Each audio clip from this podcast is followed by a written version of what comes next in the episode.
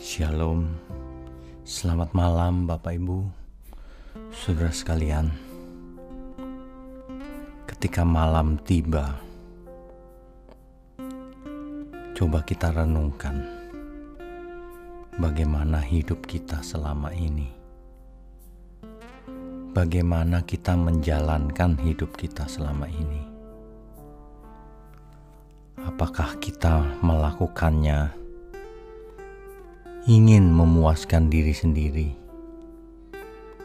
Apakah kita lupa bahwa suatu hari kita pasti pulang? Kita pasti mati, maksudnya.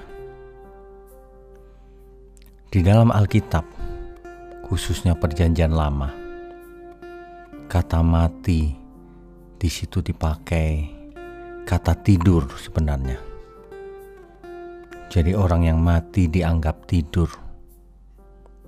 Mengapa?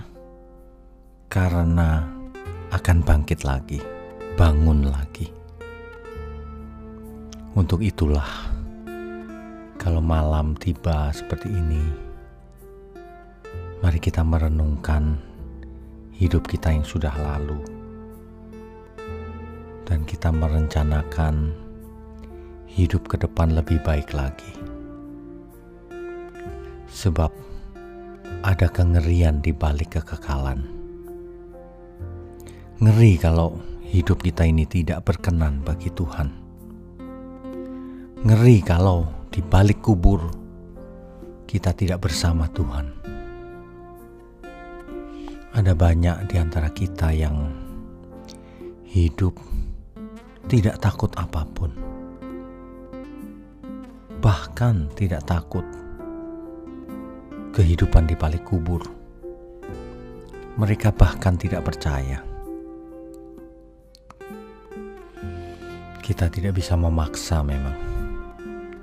Tetapi fakta itu akan pasti terjadi. Marilah kita bersiap-siap. Seolah-olah besok kita mati. Sehingga kita bisa selalu berjaga-jaga agar tidak hidup sembrono, bebal, hidup suka-suka sendiri. Mari kita perhatikan bagaimana kita hidup. Haruslah seperti orang yang bijaksana, orang arif, sebab setiap saat kita bisa mati dan dimintai pertanggungjawaban oleh Tuhan. Alangkah bahagianya kalau malam ini kita semua menyadari bahwa hidup ini adalah anugerah. Oleh sebab itu, jangan sampai kita menyia-nyiakan. Mari kita belajar hidup benar, belajar melakukan yang benar, belajar mengasihi sesama dengan benar. Itulah yang dikehendaki oleh Tuhan. Oleh sebab itu, sebelum kita tidur,